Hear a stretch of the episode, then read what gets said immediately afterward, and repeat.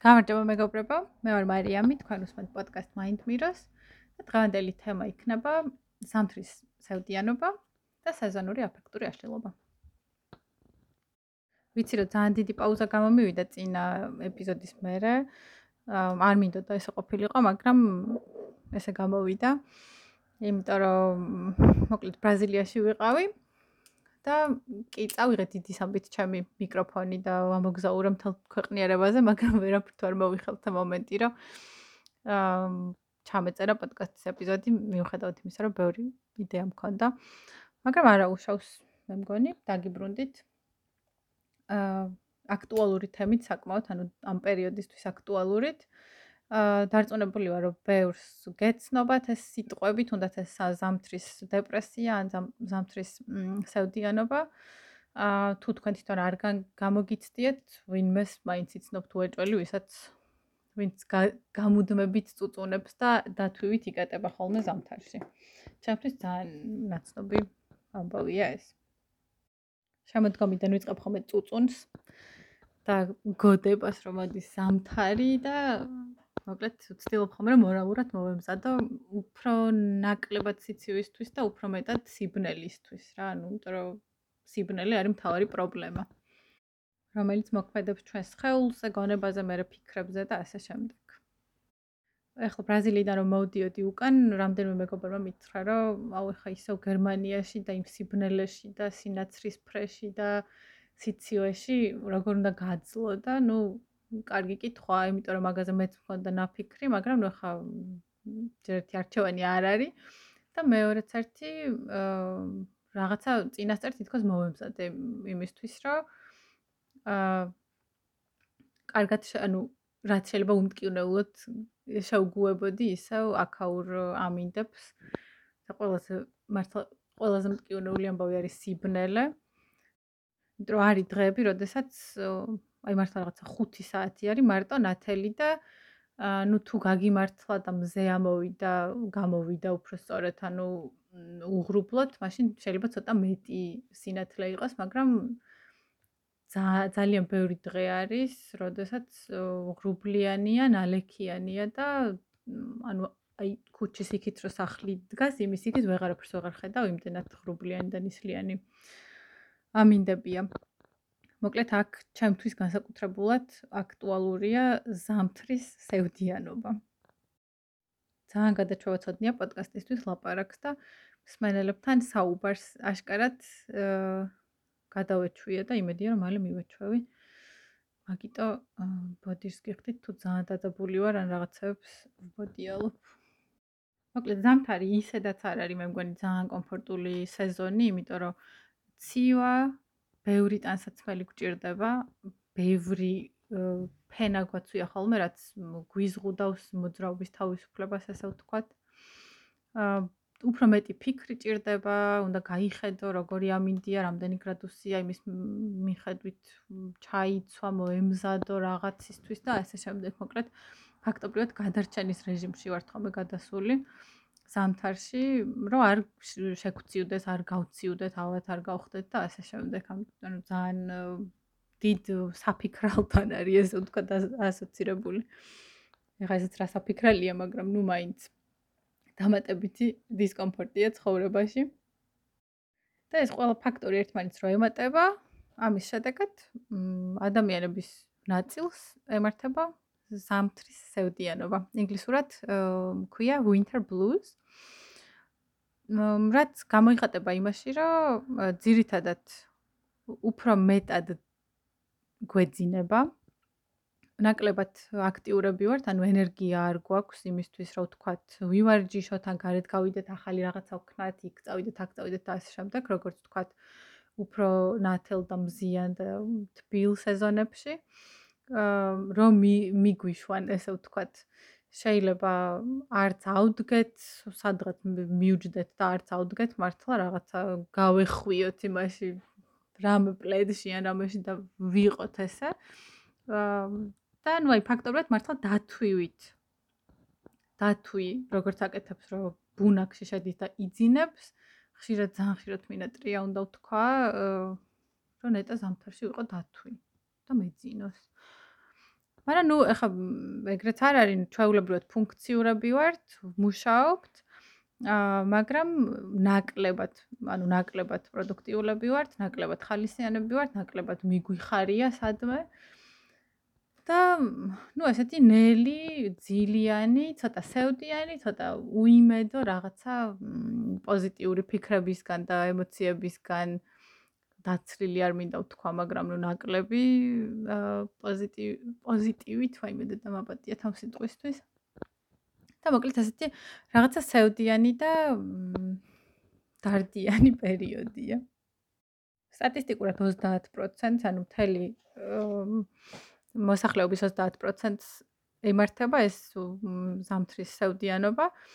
ეს არ არის დარღვევა, ხო? ეს არის უბრალოდ რაღაცა არაკომფორტული მდგომარეობა, რომელშიც ანუ ყოველი მესამე ეგრე გამოდის, ხო, ადამიანი არის ზამთარში და winter blues ქვია, იმიტომ რომ იწება გვიან შემოდგომაზე და მთავრდება გაზაფხულზე, როდესაც დღე იწყებს ზრდას. ანუ უკვე აშკარად რო გაზრდილი არის დღე.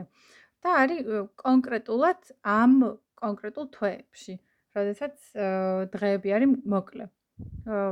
მაგიტო, მაგითი განსხვავდება სხვა ზოგადი სევდიანობისგან. ან რამე დარღვევისგან, რომ კონკრეტულად ამ თვეებში იწება და მე აუცილებლად მთავრდება. ქალებს უფრო მეტად ახასიათებთ, ვიდრე კაცებს, დაახლოებით 3-4 ჯერ უფრო მეტად. ქალები ისედაც ემოციური დარღვევებისკენ, აფექტური დარღვევებისკენ უფრო მიდრეკილები არიან. აა მაგას მე ვილაპარაკებ, როცა დეპრესიაზე ვილაპარაკებ, რატო? აა ანუ შფოთვითი დარღვევებისკენაც, დეპრესიებისკენაც და ზოგადად აფექტური აშლილობებისკენ ქალებს აქვთ გაცილებით უფრო მეტი მიდრეკილება ვიდრე კაცებს და შესაბამისად ზამთარშიც ქალები უფრო სევდიანები არიან ვიდრე კაცები თუ ესე შეიძლება ფორმულირება. ზოგზე საერთოდ არ მოქმედებს, ანუ როგორც თქვი 30% დაახლოებით აქვს ეს სიმპტომები, ზოგზე საერთოდ არ მოქმედებს, როგორც ზაფხულში არიან, ისე არიან ზამთარშიც, ანუ შუქზე ნაკლებად არის მათი სხეული და ტვინი, ესე ვთქვათ, დამოკიდებული და შუქის მიმართ სენსიტიური. და ზოგი კიდე აი ფაქტობრივად უნარო ხდება. ну ეს winter blues არის შუაში, კარგად ყოფნასა და სეზონურ აფექტურ აფექტურ აშლილობას შორის. სეზონური აფექტური აშლილობა არის უკვე კლინიკური დიაგნოზი, ანუ აშლილობა, დარღვევა, რომელიც გადადის ამ დარღვევის კლასიფიკაციაში თავისი სიმძიმით, რომ ეს სევდიანობა არის ძალიან აუტანელი, უკვე მტკივნეულია, ადამიანს აწუხებს და თითქმის ყოველდღეა. ანუ ეს არის მთავარი, რაც ხდება ადამიანის ცხოვრებაში. ამ ზამთრის საუდიანობის შემთხვევაში, ნუ ხო უხალისოდ ხარ და რაღაცა, ნუ არ გიხარია დიდად რო თენდება თუ თენდება საერთოდ, მაგრამ თუ ანუ მინიმუმ თავში ის მაინც გაქვს, რომ არაუშავს დღე გაიზრდება, მოვა გაზაფხული და ასე შემდეგ. და სეზონური აფექტური აშლილობის შემთხვევაში, აი ეს იმედები და მომავლის მოლოდინი და მსგავსი რაღაცაები აა არ არის ხოლმე მოკლედ ესე დიდად წარმოდგენილი. სტატისტიკურად დაახლოებით 10%-ს აქვს ხოლმე ეს კლინიკური დარღვევის დონეზე. აა მაგრამ ნუ აი პოზიტიური ერთადერთი ის არის, რომ გაზაფხულზე ეს გადის მზესთან, მზის მოსვლასთან ერთად ეს სეზონური აფექტური აშლობაც გადის. თუმცა არის საკმაოდ სერიოზული სინდრომი, ასე ვთქვათ, რომელიც მისახედია არ არის ხელწამოსაკრავი. ნუ თუ აქვს ადამიანს იმისი ენერგია, ოპტიმიზმი და ასე ვთქვათ, იმის თავი, რომ გაუმკლავდეს და ვთქვათ, დაელოდოს გაზაფხულს, ეს კიდე უკეთესი ვარიანტია, მაგრამ ძირითადად კლინიკურ შემთხვევებში საკმაოდ მძიმეა ხოლმე, ანუ იგივეა რაც დეპრესია, უბრალოდ ზამთრის თვეებში. და ახასიათებს ყოველდღიური საუდიანობა, ყოველდღიური უიმედობა, ინტერესების დაკარგვა, ანუ ახალი რაღაცის გასინჯვის, ცდის ხალისი საერთოდ აღარ აქვს ადამიანს. სიამოვნების მიღება აღარ შეუძლია, აი თუნდაც თუ მაგალითად აა ყოველდღიურ ცხოვრებაში ძალიან მიყვარს, აი არ ვიცი რაღაცა ნამცხვარი. თუ მაქვს სეზონური აფექტური აშლილობა, ამ შემთხვევაში ეს ნამცხვარიც კი არ מחალისებს. ხო, ოღონდ ხა ნამცხვარმა არ უნდა გაგაბედნიეროს, მაგრამ რაღაც ხეულის დონეზე მაინც რაღაცა პატარა სიამოვნება უნდა მოგანიჭოს და აი ამ სიამოვნებების განცდის უნარიც ერთმევა ადამიანს. ამას გარდა იცლება მადაც, ანუ ან ეკარგება ადამიანს, ან ემატება ძირითადად ემატებათ ხოლმე და ჭამენ ბევრს და ჭამენ უფრო მეტ ტკბილს, ანუ შაქრიან, ნახშირწყლებიან რაღაცებს, იმიტომ რომ ტვინი ითხოვს უფრო მეტ ენერგიას. და ფიქრის დონეზე არის დარღვევა იმ სახით, რომ ადამიანს როგორ თქვი, იმედ ანუ იმედობა აქვს, აქვს დანაშაულის შეგრძნება, გაუფასურების შეგრძნება, ანუ საკუთარი თავის ფასის, საკუთარი თავის გაუფასურების ნეგატიური ფიქრები, ესეთი კატასტროფული ფიქრები, რომ ცუდი რაღაცა მოხდება და ასე შემდეგ. გარდა ამისა, შეიძლება კონდეთ კონცენტრაციის სირთულე, შეიძლება ნებისმიერი პატარ-პატარა გადაწყვეტილებების მიღების სირთულე კონდეთ. და მძიმე შემთხვევებში სუიციდზე ფიქრი ან სუიციდი. რაც ნიშნავს იმას, რომ მართლა არ არის ხელწამოსაკრავი ეს ეს დარღვევა, ნამდვილად საგულისხმოა და თუ გეცნოთ ან თუ შეამჩნიეთ თქვენს გარშემო ვინმეს, აუცილებლად მიაქციეთ ყურადღება. როგორც თქვი, ამისი მთავარი მიზეზი არის შუქის ნაკლებობა. აა ადრე ძილზე პოდკასტში ვილაპარაკე იმაზე, რომ შუქი არის გადამწყვეტი ჩვენი შინაგანი საათის მუშაობაში, სწორად მუშაობაში. ანუ ჩვენი ცირკადული რიტმი, ანუ ჩვენი რასაც ვეძახით ბიოლოგიურ საათს, დღე-ღამეს რითიც ვარჩევთ ერთმანეთისგან და რის მიხედვითაც ვიცით, როდის უნდა გვეღვიძოს და ვიყოთ პროდუქტიულები და როდის უნდა გვეძინოს. ეს საათი ირღვევა, მოკლედ. ამ სიბნელის დროს, როდესაც სიბნელე უფრო მეტი საათია დღე-ღამის განმავლობაში, გაცილებით უფრო მეტი დიდი ნაწილი არის დღე-ღამის სიბნელე ვიდრე სინათლე. და შეეული რაღაცნაირად იბნევა. ხო, ანუ ვერ იგებს ამდენ სიბნელეში რატო უნდა იღვიძოს, მაგალითად რატო უნდა იყოს პროდუქტიული, რატო უნდა წავიდეს სამსახურში და ზუსტად იგივენაირად იმუშაოს, როგორც მაშინ, როდესაც ნათელია. როგორც იმ ძილზე პოდკასტში თუ ეპიზოდში მოგიყევით, სინათლე კავშირში არის მელატონინის და სეროტონინის დოზებთან და ეს ორი ნეიროტრანსმიტერი არის ძალიან მჭიდრო კავშირში, ნუ კავშირში განმაპირობებელია ჩვენი ხასიათის, ხო? ანუ სეროტონინი თუ დაბალია, მაშინ ბუნებრივად ჩვენი ხასიათი იქნება უფრო ნეგატიური და პირიქით. ხო, შესაბამისად ბუნებრივია ეს ჩვენი სევდიანობა ზამთარში, იმიტომ რომ ამისი მკვებავი ნეიროტრანსმიტერების სიღარიბე გვაქვს, იმიტომ რომ ეს ტვინი ამ დროს უნდა იკვებოს შუქით, იმისთვის რომ გამომუშავდეს ეს ნეიროტრანსმიტერები. და ნუ რა უნდა ვქნათ ამ დროს? მოდი, ჯერ ვილაპარაკებ სეზონურ აფექტურ აშლილობაზე, იმიტომ რომ ეს არის უფრო მძიმე შემთხვევა, ანუ კლინიკური დარღვევა არის, შესაბამისად ამ დროს ჭირდება ადამიანს აუცილებლად ჩარევა. აა ყველაზე კარგ და ეფექტურ თერაპიად ითვლება ფსიქოთერაპია, კოგნიტურ კოგნიტურ ბიჰევიორული თერაპია განსაკუთრებით. და ასევე იყენებენ ხოლმე შუქის თერაპიას. მაინც უფრო ეფექტური არის CBT, ანუ ეს კოგნიტურ-ბიჰევიორული თერაპია, იმიტომ რომ აქვს ხანგრძლივი მოქმედება და თუ თქვათ ერთ ზამთარს გამოიყენებ CBT-ს, მაშინ მეორე ზამთარს უფრო უკეთესად უმკლავდები ამ აშლილობას. ბუნებრივია ხო, იმიტომ რომ უკვე დატრენინგებული ხარ, ნასწავლი გაქვს. უკეთრად ნამეცადინები გაქვს. აა როგორ უნდა გაუმკლავდე და შესაბამისად იცი უკვე. აა მეორე მხრივ არის შუქის თერაპია. რომელიც მოიაზრებს ადამიანის ჯდომას. ძალიან კაშკაშა შუქის წინ დღის განმავლობაში დაახლოებით 1 საათით. ეს წინადადება არის გადასარევი. მაგრამ არა უშავს, მოკლედ. აა ანუ არსებობს ესეთი ნატურები სპეციალური, რომელიც არ ვიცი სად იშოვება. შეიძლება არიშოვება და ნუ რაღაცა ადგილებს აქვს, სადაც შეიძლება მიხვიდე და დაკაშკაშდე ესე ვთქვათ. რომელიც ჩვეულებრივ ნატურაზე რაღაცა ათეულობით უფრო მეტად კაშკაშებს და თან ეს შუქი არის გადანაწილებული თანაბრად, ანუ არ გიჭვიტინებს. და ტვინს აძლევს, ანუ ფაქტობრივად სიმულირებს მზის შუქს. და ტვინს აძლევს ცრუ ინფორმაციას, რომ დღე არის და ტვინიც ამ ცრუ ინფორმაციის ცრუ ინფორმაციას უჯერებს და გამოყოფს იმ საჭირო ნივთიერებებს, რაც არის აუცილებელი თუნდაც კარგი ხასიათისთვის, ხალისიანობისთვის და ნუ მაგრამ და ამ ყველაფერი ნეგატიურის დასათრგუნველად რაც ჩამოვთვალე. ამ დარღვევის შემთხვევაში, ხო? ძალიან ეფექტურია. ეს შუქის თერაპია არის ძალიან ეფექტური და ხშირად გამოიყენებენ ძალიან, მაგრამ ანუ განსხვავება CBT-სა და შუქის თერაპიას შორის ამ შემთხვევაში არის ის, რომ CBT არის ხანგრძლივად უკეთესი, უფრო ეფექტური, რაც ნიშნავს იმას, რომ რამდენიმე წლის, ან შეიძლება მთელი ცხოვრების განმავლობაში გაგყვეს CBT-ის ეფექტი, ესე ვთქვათ, იმიტომ რომ უკვე იცი როგორ მიუდგა.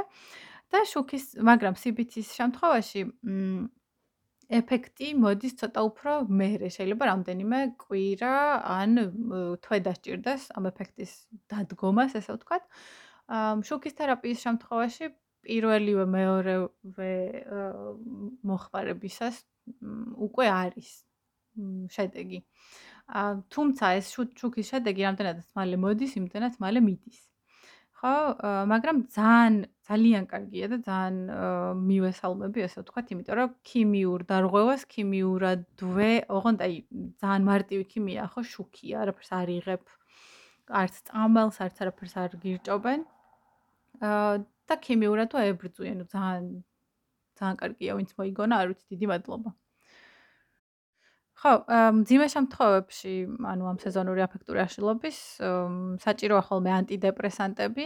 ნუ გააჩნია სიმძიმეს, ხო? ანუ თუ თქვათ მართლა სუიციდური აზრებია და ძალიან აუტანელი ხდება ადამიანისთვის ეს მდგომარეობა, მაშინ აუცილებელი ხდება ხოლმე ანტიდეპრესანტები, თუმცა ვიმეორებ და კიდე გავიმეორებ მილიონჯერ, რომ ანტიდეპრესანტები უნდა მიიღოს ადამიანმა მხოლოდ ფსიქოთერაპიასთან ერთად. ისე აზრი არ აქვს, იმიტომ რომ ერთჯერადად იმ დროს შეიძლება აალაგოს ეს სიმპტომები, მაგრამ როდესაც ისევ ამ პრობლემის წინაშე დადგები, ისევ დაგჭირდება ანტიდეპრესანტები და მოკლედ გამოუვალ მდგომარეობაში აყენებ შენს ხეულს. მესმის, რომ უფრო იაფია, ესე ვთქვათ, ვიდრე ფსიქოთერაპია და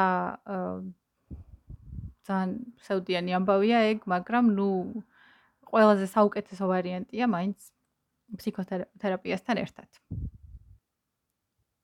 ამ შოკის თერაპიას კიდე რაც შეეხება, ანუ მე ვფიქრობ, რომ როგორც თქვი, ძალიან ეფექტურია, მაგრამ ვფიქრობ, რომ ცოტა უფრო რაღაცა მარკეტინგული ამბავიც არის, იმიტომ რომ აა სავარაუდოდ ზუსტად იგივე ეფექტს ვერ მიაღწევ, მაგრამ რაღაცა ახლოს მდგომ ეფექტამდე შეიძლება მიხვიდე შენ თვითონაც, ანუ თუ მართლა კონცენტრირდები იმაზე, რომ რაც შეიძლება მეტი შუქი მიიღო დღის განმავლობაში. ხო, ანუ შეგვიძლია რა ვთქვათ, იმაზე ვიზრუნოთ, რომ ყოველდღიურად უფრო მეტი შუქი გქონდეს, ანუ შუქი სინათლე ყოველთვის იყოს იყოს ჩართული, ან თუ დავინახავთ რომ ზეა გავიდეთ და მივეფიცხოთ. და ფაქტობრივად მართლა სერიოზულად რომ მიუდგეთ ამას, ეს ჩაანაცვლებს იმ რაღაცა ჯადოსნურ ნატურას, რა თქმა უნდა, მაგრამ ნუ სამწუხაროდ ამის არც დრო გვაქვს ხოლმე და არც საკმაოდ სერიოზულად არ ვიღებ ზოგადად ჩვენს ფსიქიკურ ჯანმრთელობას და მაგიტო შეიძლება მე ესეთ შედეგამდე მივიდეთ, როგორც არის ზამთრის დეპრესია, სეზონური აფექტური აშლილობა. ხო, რაც შეეხება winter blues, ანუ ზამთრის სევდიანობას. ამ შემთხვევაში ეს შუქის თერაპია არის შეუცვლელი რა ფაქტობრივად. აა გამომდინარე იქიდან რომ ანუ სავარაუდოდ ჩვენთვის ქართველებისთვის ეს რაღაცა ჯადოსნური ნატურის ყიდვა ცოტა არარეალისტურია. მართლა არ ვიცი სად შეიძლება იშოვოს ადამიანმა საქართველოში. იმიტომ რომ ძილზე რა ვლაპარაკობდი მაშინ ვახსენე. აა მაღვიძარა დღის შოქის მაღვიძარა რომელიც მაქვს და დაახლოებით 40 ევრო ღირდა და საქართველოში ღირდა 550 ლარი მე შევამოწმე და გული გამისკდა და ძალიან შემრცხვა რომ ეგირჩიეთ დაივიწყეთ. დაივიწყეთ ძალიან ძვირი აი რაღაცა უსინდისოთ აა მაგიტო დიდი იმედი არ მექნება რომ ვინმე ამ შუქის შუქს თუ რა შუქის დღის შუქის ნატურას ვინმე მიაგნებს ან იყიდის. აა ამიტომ გირჩევთ რა ნებისმიერი სახით აა მიაფიცხოთ მართლა მზეს და შუქს. ანუ ეს ნატურა არც მე არ მაქვს და არც ყიდვას, იმიტომ რომ ნუ რა ვიცი მე არ ამგონია ჯერჯერობით აუცილებელი იყოს. აა თუმცა რასაც ვაკეთებ არის ის, რომ შუქის უმინთია. და ვცდილობ, რომ ტვინს მიუცე დღის განმავლობაში, ანუ ყოველ შემთხვევაში ჩვეული დღის საათებში ინფორმაცია, რომ ეხლა არის დღე, და არ მიუცა იმის საშუალება, რომ ანუ მაქსიმალურად არ მიუცა საშუალება მართლა, რომ ეგონოს, რომ ღამეა და ძილი მოერიოს და სევდა მოერიოს და ესე შემდეგ. და სხვა შორის მუშაობს. ანუ ჩვეულებრივი ნატურებით რო ავანთოთ და შუქში რო ვიყოთ, ესეც მუშაობს. ხო, კიდე რა უნდა ვქნათ, ანუ მზე ნამდვილად უნდა ძალიან დავაფასოთ. აა მე მგონი ზამთარში ისედაც უფრო მეტად ვაფასებ ხოლმე მზეს ვიდრე ზაფხულში. აა მაგრამ ანუ მართლა უნდა გავიდეთ ხოლმე მზეზე, თუნდაც D ვიტამინით დასატენად და ცოტა ხანი რამდენსაც გავძლებთ სიცივეში ან სიკაშკაშეში, არ ვიცი, ნუ ცოტა ხანი უნდა მივაფიცხოთ რა, იმართლა რასაც გვია მიფიცხება. აა აა გერმანიაში ხანდახან არის ხოლმე ძალიან სევდიანი სანახაობა, როდესაც მზე უცბად რომ გამოვახალმე აი ძალიან დაგროვილი, ღრუბლიანი და წვიმიანი დღეების, მაგრამ მზე გამოვახალმე და რო გაიული ქუჩებში ხალხი არის გამოფენილი და ზოგი დგას ესე თვალები დახუჭული, უბრალოდ დგას. და შარფს იხსნიან ხოლმე, ხელებს იკაპიწებენ და ესე უშვერენ მზეს. აი მე და მოკლედ, ну ძალიან სევდიანი ამბავია, მაგრამ კარგად იქცევიან. ჭკვიანურად, იმიტომ რომ იციან, რომ ამ მომენტში იტანებიან D ვიტამინით და ტვინიც იყვებება მართლა ისრული ამ სიტყვის მნიშვნელობით და აა მე თრგუნავს იმ ყველაფერს აა რა პრობლემაც გვაქვს ხოლმე ამ ზამთრის სევდიანობების დროს. აა როგორ შეიძლება კიდე უფრო მეტი შუქი მოუშვათ ჩვენს ყოველდღიურ ცხოვრებაში ზამთარში? ანუ ეცადეთ რომ გადადგათ ანუ ყოველდღიურად სადაც ზიხართ დღის განმავლობაში მაგი და თუ რაც იქნება უფრო ფანჯრისკენ თუ არის ამის საშუალება რა თქმა უნდა იმიტომ რომ ზამთარში ძალიან საუდიანი ამბავი არის ის ხოლმე რომ ზუსტად იმ საათებში როდესაც ნათელია უმუშაობთ და ვიღაცებს გვიმართლებს რომ ფანჯრიანი სამუშაო სივრცე გვაქვს და ვიღაცებს არ გვიმართლებს ხო? აა ეცადეთ რომ თქვათ აი შესვენებაზეც თუ ფანჯარა არ გაქვთ მაინც ამის შესვენებაზე რომ გახვალთ ფანჯარასთან დაждდეთ სადმე ან გარეთი იყოთ უფრო მეტი ხო? რომ ტვინმა ცოტა ხნით მაინც მიიღოს იმის ინფორმაცია რომ დღე არის ახლა ხო? და რაღაცა თვად ქაოსში არ ამყოფოთ ამ დღეღამის ციკლის მხრივ ასე ვთქვათ ხო?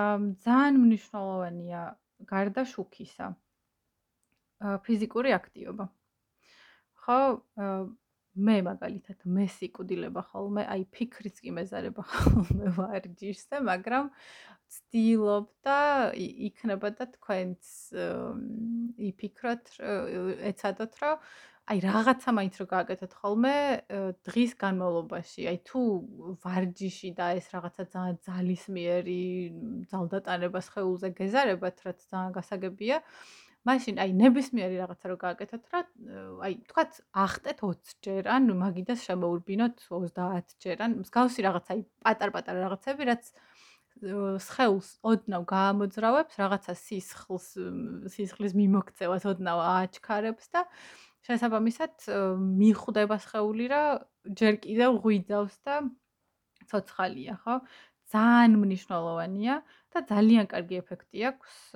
ფიზიკურ აქტივობას, ანუ რეგულარულ ვარჯიშს აა ზემოთ ჩამოთვლილი სიმპტომების წინააღმდეგ. აა ხო, გარდა ამისა, გვეზარება ხოლმე ძალიან ხალხთან შეხვედრა. და ჩემი რჩევა იქნება, იმიტომ რომ ესეც ასევე ეფექტურია. აა რომ შეხვდეთ ხალხს. ნუ ეხა კორონას შემთხვევაში ფრთხილად შეხვდეთ. მაგრამ თლად ნუ იზოლირდებით, ხო? ანუ თუნდაც გარეთ შეგიძლიათ შეხვდეთ ვინმესთან ერთად გაისერინოთ პირბადით და ასე შემდეგ. ძალიან მნიშვნელოვანია. იმიტომ რომ ჯერ ერთი ხომ მიხვდებით რომ მარტო თქვენ არ ხართ და ყოველას ეზიზღება ეს სამთან ვისაც არ გეზიზღებათ ბოდიში. მაგრამ ხარდაჭერას იგრძნობთ და თან ეს სოციალური ურთიერთობები ჩვენს ტვინზეც მოქმედებს, ჩვენს ხასიათზეც მოქმედებს, ყველანაირად კარგია, აბსოლუტურად ყველანაირად პოზიტიურია და ნამდვილად დაგეხმარებათ. აა გარდა ამისა, რუტინის დაგეგმვა. ჩემთვის სიტყვა რუტინა არის სასაცილო, რომ მთელი ცხოვრება ვიტანჯები, რომ რამე დავგეგმო და რეგულარულად ვაკეთო და არაფერი ცხოვრებაში არ გამიკეთებია რეგულარულად. სამწუხაროდ და ნუ რაღაც მომენტში მივხვდი რომ უნდა დამენებებინა ამ ჩემი თავისთვის თავი და როგორც შემიძლია ისე ვიყო პროდუქტიული და ვარ ქაოტურად პროდუქტიული ადამიანი. მაგრამ ამ შემთხვევაში, ანუ ზამთრის შემთხვევაში შეგიძლიათ რა დაგეგმოთ, დაგეგმოთ რაღაცა რუტინა. თქვა თქვა რომ აი მაგალითად ყოველ დღე აა გაიკეთებთ ჩაის ან რაღაცა გაიკეთებთ ყავას ან რაღაცაი პატარა რიტუალი გექნებათ. აა რაც ნიშნავს, ანუ რაც იქნება იმის მანიშნებელი, რომ აი ეს რიტუალი ნიშნავს დღის დასაწყისს. ამას თუ ვაკეთებ, ანუ დღე დაიწყო. ხო, ეს ძალიან მნიშვნელოვანია. თუ შეგიძლიათ რომ კიდე უფრო მეტი და მკაცრი რუტინა ქნათ, ანუ ახლა ეს ვიცი რომ არ არის მკაცრი რუტინა, მაგრამ ჩემთვის არის. აა თუ შეგიძლიათ რომ უფრო მკაცრად დაგეგმოთ, კი ბატონო, პირიქით უფრო უკეთესია, თუ გეცოდინებათ რომ სამსახურის მერე ივარჯიშებთ, მერე გაისერინებთ, მერე ივახშმებთ, მერე დაიძინებთ და რაღაცა სერიალს ამადამ საათზე უყურებთ და შემდეგ, იდეალური არის ეს. ამ ზამთრის სევდიანობის წინააღმდეგ, აი მართლა ძალიან ძლიერი იარაღია. ვისაც შეგიძლიათ? ხო, რამდენადაც შეგიძლიათ ასევე. კიდე ეცადეთ, რომ ძილის წინ 1-2 საათით ადრე არ ჭამოთ, იმიტომ რომ ჭამა ნიშნავს სხეულისთვის დავალების მიცემას, ხო? და ნუ რა თქმა უნდა ძილის წინ თუ მისცემთ დავალებას, ნამდვილად ვერ მოისვენებს, ხო? და შესაბამისად დროზე ვერ დაიძინებთ, მერე დროზე ვერ გაიღვიძებთ და კიდე უფრო აგერევათ აა ეს დღეღამის რეჟიმი. აა და ნუ მოკლედ ეს გარდა იმისა, რომ სხეულისთვის არის კარგი, გონებრივადაც აი ამ სევდიანობას ნამდვილად ერევა, ხო? შეიძლება ეგრევე რაღაცა არ აბჭყიალდეთ და არ იყოთ უბედნიერესი ადამიანი, მაგრამ აქ ლაპარაკი არ არის ბედნიერებაზე, აქ არის ლაპარაკი იმაზე, რომ ეს დამთრგუნველი და სევდიანი და უიმედო და ესეთი ფიქრები და ცუდი გრძნობები ცოტა შევამციროთ. ხო, შეგიძლიათ აი შემოდგომაზე თუ იცით რომ ზამთარი არ გიყვართ და თუ იცით რომ ზამთარი თქვენთვის აი ამ სიმპტომებთან ასოცირდება, ხო? შეგიძლიათ რომ შემოდგომაზე უკვე აი რომ შემოგეპარებათ აი მის შიში რომ აუ ზამთარი მოდის, ხო? დაჯდეთ და ჩამოწეროთ რისი გაკეთება გიყვართ და რისი გაკეთების ენერგია გექნებათ ზამთარში. ხო? აი უბრალოდ რაღაცა იდეები, რომელიც ზამთარში აი რაღაც მომენტში რომ დაიჭერთ თქვენ თავს რომ ზიხართან, წევხართან დგახართ და აი უბრალოდ აღარაფრის თავი არ გაქვთ და თან გინდათ რომ ხალისი გქონდეთ, მაგრამ არ იცით რა უნდა ქნათ. იმიტომ რომ რა ვიცი, მე ეს რაღაცა ღრუბელი გადევთ თავზე. ამ მომენტში შეგეძლებათ რა ჩაიხედოთ ამ რაღაცა პატარა შპარგალკაში და ნახოთ რომ უი შემიძლია თურმე ვაშლის ნამცხვარი გავაკეთო სიტყვაზე ან რაღაცა ვიღაცასთან ერთად გავისეირნო და ასე შემდეგ. ნუ ხა ესეთი მაგალითებია, მაგრამ თქვენ შეგიძლიათ ჩამოწეროთ თქვენი პირადი პატარ-პატარა სიამოვნებებს, რაც განიჭებთ ესეთი სია. და ძალიან ეფექტურია, სხვა შორის ძალიან კარგია.